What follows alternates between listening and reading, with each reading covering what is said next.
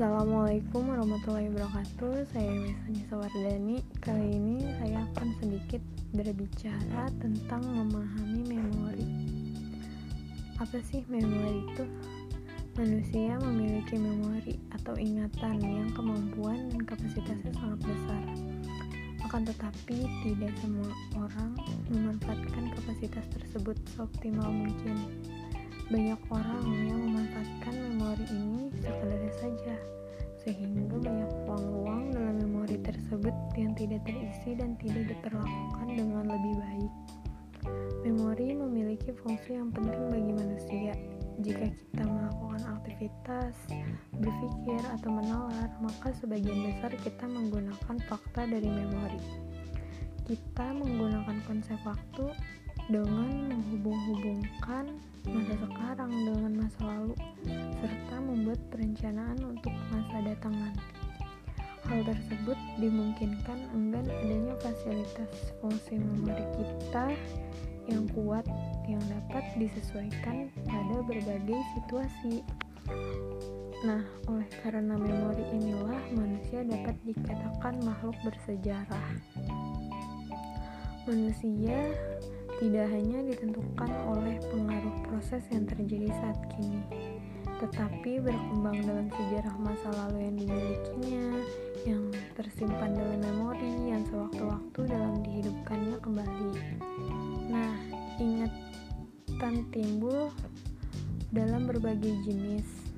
Pertama, ada ingatan kepada sesuatu, seperti nama orang tercantik di suatu kelas kedua ada rekoleksi. Yaitu mengingat kembali sebuah peristiwa masa lampau secara lengkap. Seperti yang dilakukan oleh tertuduh yang menjawab semua pertanyaan dari hakim atas semua perilakunya dalam kejahatan yang telah dilakukannya. Yang ketiga, ada rekognisi, yaitu mengenal kembali sesuatu hal benda atau orang setelah sebagian daripadanya kelihatan atau kedengaran kembali seperti melihat seorang anak teringat kembali kepada bapaknya. Karena anak tersebut serupa benar dengan bapaknya. Penggunaan metode memilih adalah penggunaan rekognisi yang keempat, ada mempelajari kembali sesuatu untuk memperlihatkan bahwa ada sisa ingatan yang tinggal biarpun telah lama sesuatu itu dipelajari. Ada juga memori tidak berfungsi atau lupa. Apa yang menyebabkan orang lupa atau melupakan sesuatu? Terkadang lupa merupakan mekanisme kejiwaan untuk menghadapi kehidupan yang berlangsung hari demi hari. Akan tetapi, jika kita telusuri, ada beberapa penyebab orang menjadi lupa, yaitu pertama, merosot karena tidak terpakai. Ada asumsi yang sudah lama yang mengatakan bahwa belajar meninggalkan jejaknya dalam otak berupa perubahan fisik yang sebelumnya tidak ada di sana. Dengan berlalunya waktu, proses yang berlaku dalam otak mengakibatkan jejak-jejaknya makin terkikis yang menyebabkan bundurnya daya ingat. Yang kedua, ada gangguan karena mempelajari bahan baru. Ingatan pada bahan lama agak terganggu seperti seorang dosen komunikasi yang banyak mengenal istilah-istilah dalam terminologi ilmu komunikasi.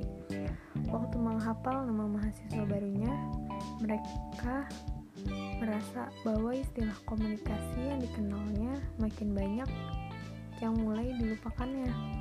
Oleh sebab itu, ia tidak mengusahakan menghafalkan nama-nama mahasiswanya yang baru lagi Sebaliknya pula, ada orang terganggu mempelajari sesuatu yang baru oleh karena bahan lama yang sudah dipelajarinya. Yang ketiga, ada represi pengalaman masa lalu yang sengaja ditekan dengan kuat supaya tidak timbul dalam ingatan. Misalnya rasa bersalah pada suatu peristiwa pembunuhan. Karakter yang telah dilakukan seseorang yang tidak diketahui oleh siapa pun Walaupun ia bebas, namun dirinya tidak dapat mengingkari perbuatannya dan perasaan bersalah yang ditekan sangat kuat. Pada akhirnya, perasaan salah tersebut begitu menekan jiwanya hingga ia meminta maaf kepada orang yang pernah dilukai perasaannya. Contoh lain, seorang yang lupa akan namanya sendiri karena sesuatu peristiwa yang menggoncangkan jiwanya waktu kecil.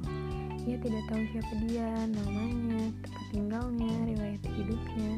Itu semua ia sudah lupa, walaupun ia mempunyai ingatan lain untuk dapat menjalankan kegiatan hidup sehari-hari.